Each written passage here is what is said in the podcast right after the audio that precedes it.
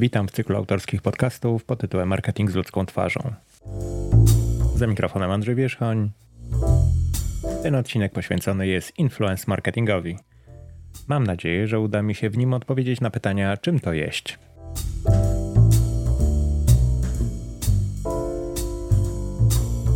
Zanim przejdziemy dalej, w pierwszej kolejności chcę wyjaśnić, czym ten podcast jest. Podcast skierowany ma być do miłośników, pasjonatów marketingu, do samych marketerów, być może i nawet influencerów. Ma, drodzy słuchacze, Was zachęcić lub odstraszyć od influence marketingu, ale w obu przypadkach sprowokować do przemyśleń przed podjęciem decyzji o działaniu w tym obszarze. Ale przede wszystkim chcę pogłębić Waszą wiedzę z poziomu praktyka mojej perspektywy. Specjalisty i osoby, która od wielu lat konstruuje strategie marketingowe, w tym strategie influence marketingowe. Zatem, jeżeli ten obszar jest dla Was interesujący, to w takim układzie zapraszam do wysłuchania podcastu.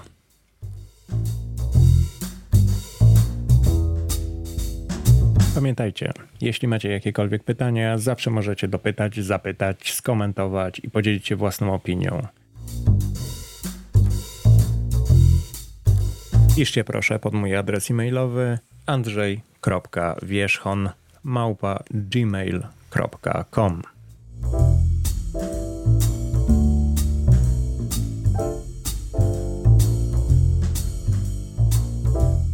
W tym cyklu podcastów w pierwszej kolejności warto byłoby zająć się samym określeniem influencer, byśmy mogli przejść dalej. W mojej ocenie influencerem jest każdy, kto aktywnie publikuje kontent w sieci. Czyli innymi słowy, influencerem może być każdy, kto generuje kontent dostrzegalny dla innych. Oczywiście nie wnikam w to, czy jest to kontent wysokozasięgowy, czy niskozasięgowy, czy jest to kontent jakościowy, czy o niskiej jakości.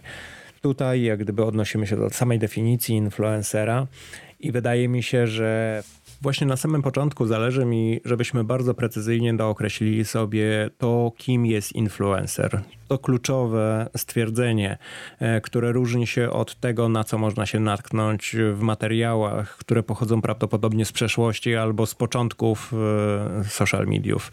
Tam mówi się o influencerze jako osobie wpływowej. Prawdopodobnie chodzi tylko i wyłącznie o tłumaczenie z języka angielskiego. Natomiast e, wpływu, wpływu tego dokonuje na licznej grupie czyli mówimy tutaj, że influencerem może być osoba, która ma duże zasięgi. W mojej ocenie absolutnie jest to nieprawda. Influencerem może być każdy i to podkreślam, a to do jakiej grupy mówi, do na jaką grupę ma wpływ, to już jest inna kwestia i dzięki temu będziemy mogli sobie w dalszej części bardzo precyzyjnie dookreślić, jakie grupy influencerów możemy wyróżnić w głównej części, no i jak dzięki temu można do nich podchodzić.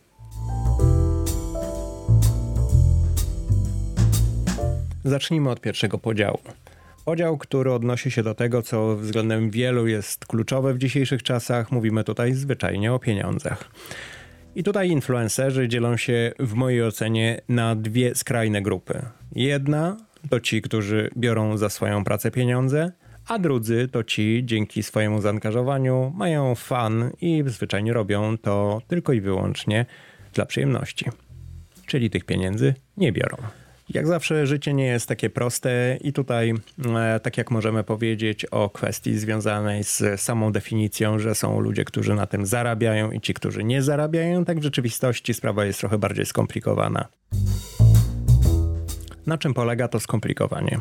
Otóż sprawa klarowna jest z tymi, którzy zwyczajnie zarabiają na swoich działaniach influence marketingu. Innymi słowy, firma partner przychodzi do nich, prosi ich o konkretne rzeczy, oni się na to godzą, podpisywana jest umowa, w ramach której są zobowiązani do realizacji w określonym czasie określonych celów. Innymi słowy, w zasadzie dla uproszczenia chodzi o to, że sprzedają czas e, swoich followersów i ich zaangażowanie. Sprawa nieco bardziej komplikuje się w momencie, kiedy podejdziemy do influencerów, którzy za swoją pracę nie pobierają żadnego wynagrodzenia. Ja bym ich podzielił na dwie grupy albo dwie podgrupy. Mianowicie tych, którzy wykonują działania influence marketingowe w kontekście swojej pasji, albo przyjemności dzielenia się wiedzą z innymi, w tym przypadku followersami, oraz tymi, którzy inwestują swój czas po to, by stać się niebawem właśnie płatnymi influencerami. Innymi słowy, poświęcają swój czas po to, by kształtować swój kanał oraz powiększać sukcesywnie grupę followersów, tak by później przechodząc na stronę płatnych, mieć już co zaprezentować swoim potencjalnym partnerom, jeżeli chodzi o zwykłą ofertę, zarówno w kontekście zasięgów, jak i również w kontekście dojrzałej wizji swojego kanału. Naturalnie e, z pewnością ktoś powie, no tak, można być tylko po jednej, po drugiej stronie, a dlaczego nie można być po środku? Odpowiedź jest zawsze tak, można być po środku. Innymi słowy, bardzo często zdarza się w rzeczywistości, że ci wielcy płatni influencerzy działają w oparciu o partnerskie umowy, bartery, czyli wymianę produkt za działanie, a także ci, którzy dotychczas nie pobierali wynagrodzenia, sporadycznie albo incydentalnie pobierają pobierają takie wynagrodzenie od wybranych partnerów, którzy po prostu odpowiadają e, ich e, pasji, filozofii, są po prostu zwyczajnie dopasowani.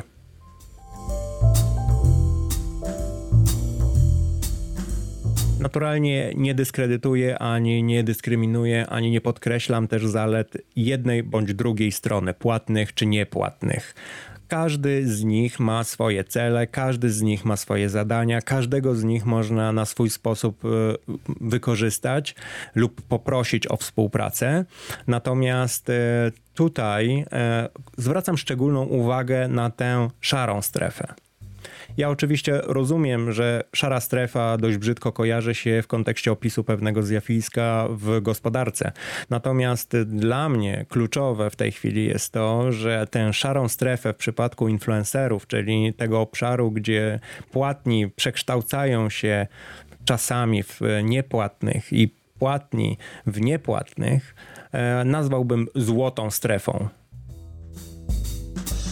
Dobrodziejstwo właśnie tej złotej strefy pomiędzy płatnymi a niepłatnymi influencerami pozwala wygenerować bardzo ciekawe akcje, w których nieodpłatnie wezmą udział właśnie ci wielcy influencerzy, którzy normalnie biorą za to pieniądze, a także w wielkich akcjach wesprzeć je naturalnym kontentem i naturalnym zaangażowaniem właśnie niepłatnych influencerów.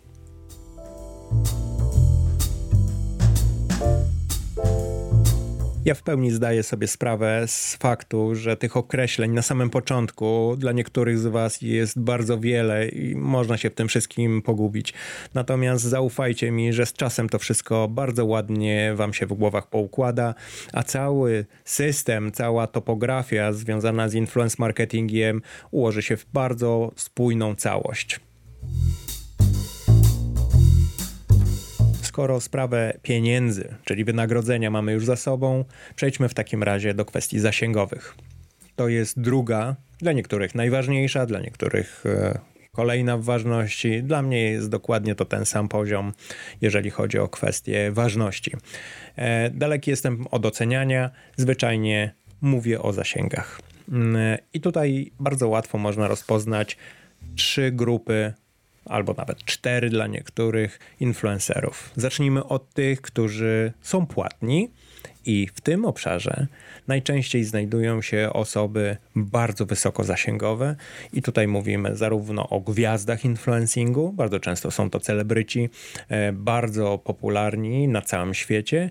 E, możemy tutaj przywołać piłkarzy, możemy tutaj przywołać muzyków bez wymieniania konkretnych nazwisk e, i przejść miękko do makroinfluencerów. Najczęściej właśnie ta grupa wysokozasięgowych, płatnych influencerów jest nazywana makroinfluencerami. Przejdźmy teraz do tych niepłatnych influencerów, których zwyczajnie można podzielić na mikroinfluencerów o większych zasięgach i nanoinfluencerów o mniejszych zasięgach.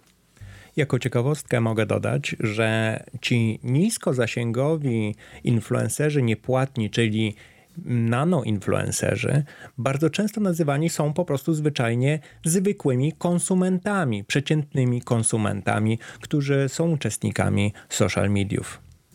Natomiast mikroinfluencerzy, czyli ta grupa niepłatnych influencerów, jest szczególnie istotna i w mojej ocenie szczególnie warta uwagi w kontekście tego, jaki generuje content. Mówimy tutaj o bardzo wysokiej jakości i wciąż niepłatnej współpracy. Oczywiście później będziemy sobie już dopisywać to, co to znaczy mało, co znaczy dużo, e, bo to zależy od rynku, zależy od kategorii, zależy od kanału, e, w którym poruszają się dane osoby, e, czyli możemy rozróżnić tu kompletnie różne wartości zasięgowe przyznawane dużo mało dla TikToka, dla YouTube'a, dla Polski, dla Niemiec, dla Stanów Zjednoczonych. Dlatego tutaj zalecam głęboko idącą ostrożność. Niemniej jednak podsumowując, pamiętajmy o tym głównym, zasadniczym klastrze związanym z zasięgami. Mowa tu oczywiście o zasięgowych influencerach płatnych. Przypominam, mamy makroinfluencerów i mamy mikro i nanoinfluencerów. To są ci, którzy mieszczą się w kategorii niepłatnych influencerów i tutaj zasięgi są dużo niższe. W ten sposób zakończyliśmy sprawę opisu, kim jest influencer. Mamy zarówno jego zarobki, jak i zasięgi.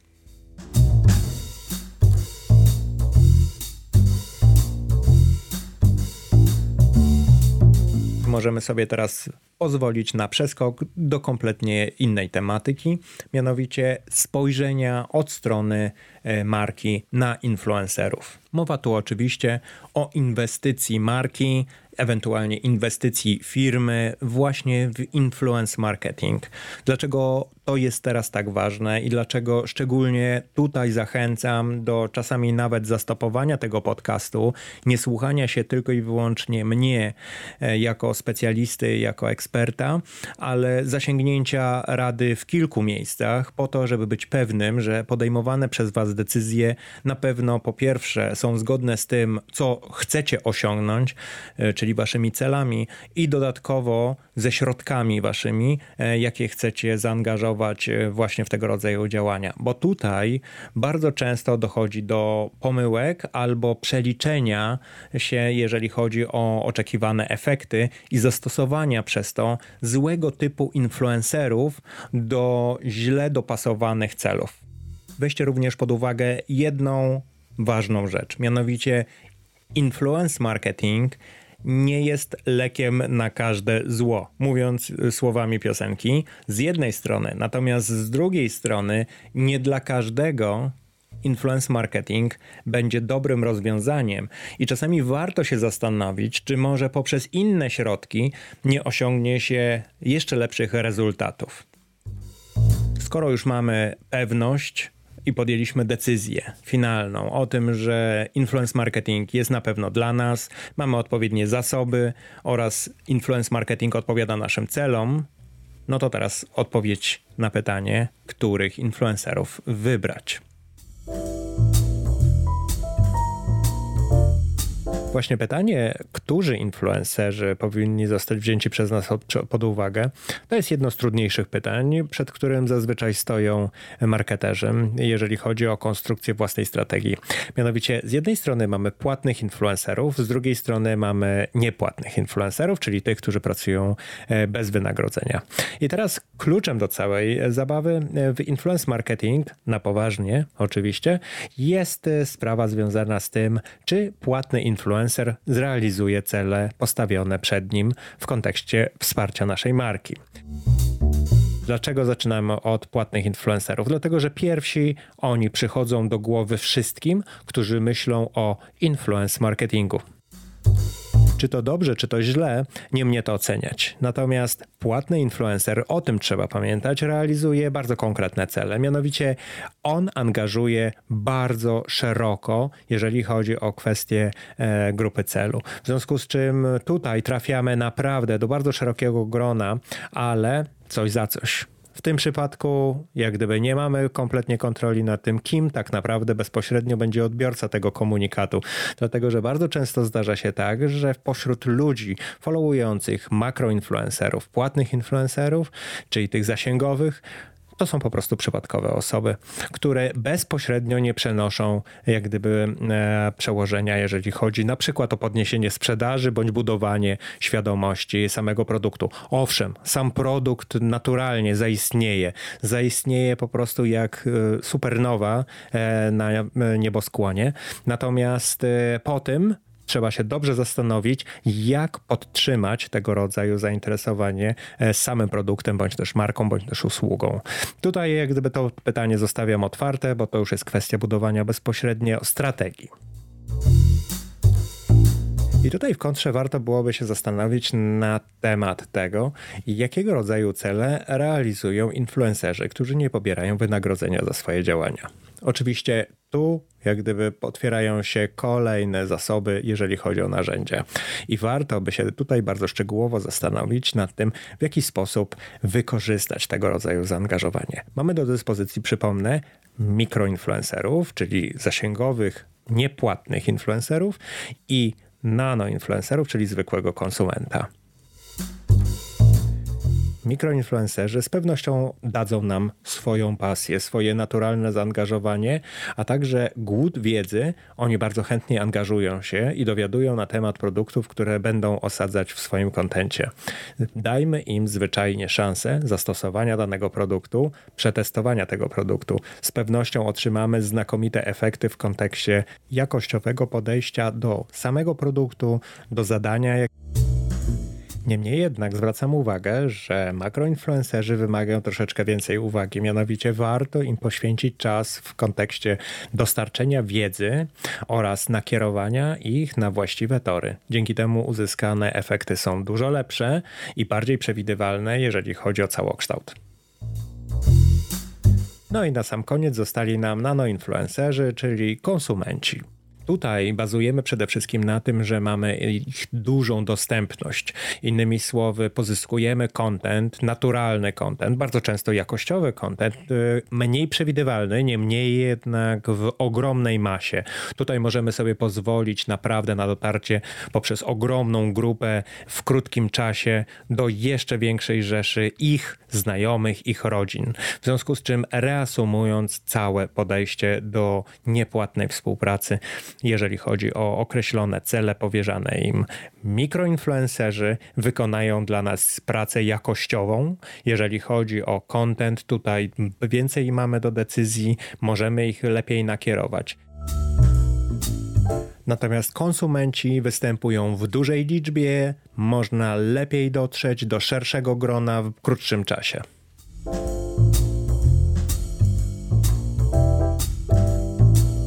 Jak widać, pytanie dotyczące tego, jakiego influencera zaangażować, to nie jest proste pytanie, jeżeli chodzi o odpowiedź. Tak samo jak nie ma idealnego typu influencera, tak samo i nie ma jednej odpowiedzi na tego rodzaju pytanie. Zawsze trzeba wziąć pod uwagę cel, budżet, a także to, w jaki sposób będziemy dysponować zasobami. Pamiętajmy, że zasobem może być zarówno kwestia ilości dostępnego produktu przeznaczonego dla danej kampanii, do testów na przykład, jak i rodzaj tego produktu, bo może być to bardzo luksusowy produkt, który nie powinien trafić w ręce, powiedzmy sobie, mniej doświadczonych e, influencerów, ale lepiej w tym momencie będzie zainwestować w troszeczkę bardziej doświadczonych influencerów, których content łatwiej nakierować, bo tutaj akurat będzie ich mniejsza liczba i możemy sobie pozwolić na tego rodzaju działania. Natomiast chciałbym podkreślić na sam koniec coś, co jest w moim odczuciu kluczowe i nie chciałbym, żeby to kiedykolwiek umknęło Wam. Mianowicie pamiętajmy o tym, że bez względu na to, czy influencer jest płatnym influencerem, czy influencer pracuje dla nas w zamian za możliwość testowania produktu, czyli jest niepłatnym influencerem, pamiętajmy o tym, że content powinniśmy oddać mimo wszystko w jego ręce. Owszem, nie unikajmy uwag, nakierowujmy mimo wszystko y, jego uwagę na odpowiednie aspekty użytkowe danego produktu. Niemniej jednak kluczowym elementem jest to, żeby oddać w jego ręce to, w czym tak naprawdę jest najlepszy. Innymi słowy, żeby generował ten content w taki sposób, który dla niego jest najbardziej naturalny, bo w rzeczywistości właśnie dzięki temu stał się tym, dlaczego go wybraliśmy i dlaczego dociera właśnie do potencjalnych konsumentów, do potencjalnych odbiorców tego właśnie produktu, który daliśmy mu szansę przetestować. Pojawia się tutaj e, pewnego rodzaju aspekt związany z brakiem kontroli. To nie do końca tak jest. Innymi słowy, pamiętajmy o tym, że każdym, na każdym z tych etapów jest swego rodzaju kontrola. Jest to kwestia tylko akceptowalności poziomu tej kontroli. Wiadomo, że płatni influencerzy muszą po prostu akceptować content, oczywiście w takim standardowym tego rodzaju współpracy wymiarze. Natomiast e, jeżeli chodzi o mikro i nano influencerów, jak gdyby tutaj ta kontrola jest stopniowo coraz mniejsza. Natomiast nie ma tak, że tej kontroli w ogóle nie ma. Pamiętajmy o tym, że sama rekrutacja e, jest swego rodzaju kontrolą. Dodatkowo proces edukacyjny, czyli wysyłanie odpowiedniego rodzaju komunikatów nakierowujących plus wiedza związana z danym produktem, to jest również kontrola. W związku z czym pamiętajmy o tym, że nie był, żeby nie był to pierwszy i zasadniczy czynnik związany z wyborem. Innymi słowy, jeśli kontrola, to w tym momencie naturalnie naturalnie przychodzą płatni influencerzy do głowy nam. E, w tym przypadku odradzam tego rodzaju podejście, a bardzo głęboko zachęcam do przewidzenia takiego procesu i dopracowania właśnie tego procesu w taki sposób, by każdy z tego rodzaju e, influencerów, który w zasadzie spełnia nasze cele, był możliwy do zaangażowania, a przeszkodą nie była właśnie e, utrata kontroli, która w rzeczywistości cały czas jest w naszych rękach w większym lub mniejszym zakresie. I tym oto punktem chciałem zakończyć ten odcinek podcastu.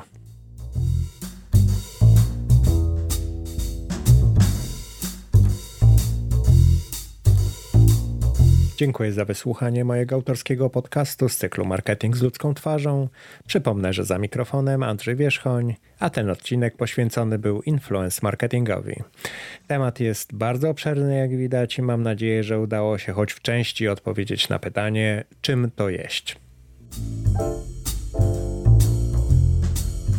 Naturalnie gorąco zachęcam do subskrypcji w waszych playerach moich pozostałych podcastów. Jeżeli nie możecie z ich znaleźć, to znaczy, że albo trafiliście na pierwszy odcinek, a kolejnych nie udało mi się nagrać, albo też źle ich szukacie. Chcę Wam na koniec tylko przypomnieć, że jestem bardzo otwarty na komunikację z Wami. Jeżeli macie jakiekolwiek pytania, uwagi, sugestie, proszę piszcie. Znajdziecie mnie tak samo na LinkedInie e, po wpisaniu mojego nazwiska i imienia. Przypomnę, nazywam się Andrzej Wierzchoń e, i tam bezpośrednio możecie nawiązać ze mną kontakt lub też zwyczajnie pisać na mój adres mailowy. Przypomnę andrzej.wierzchon małpa gmail.com.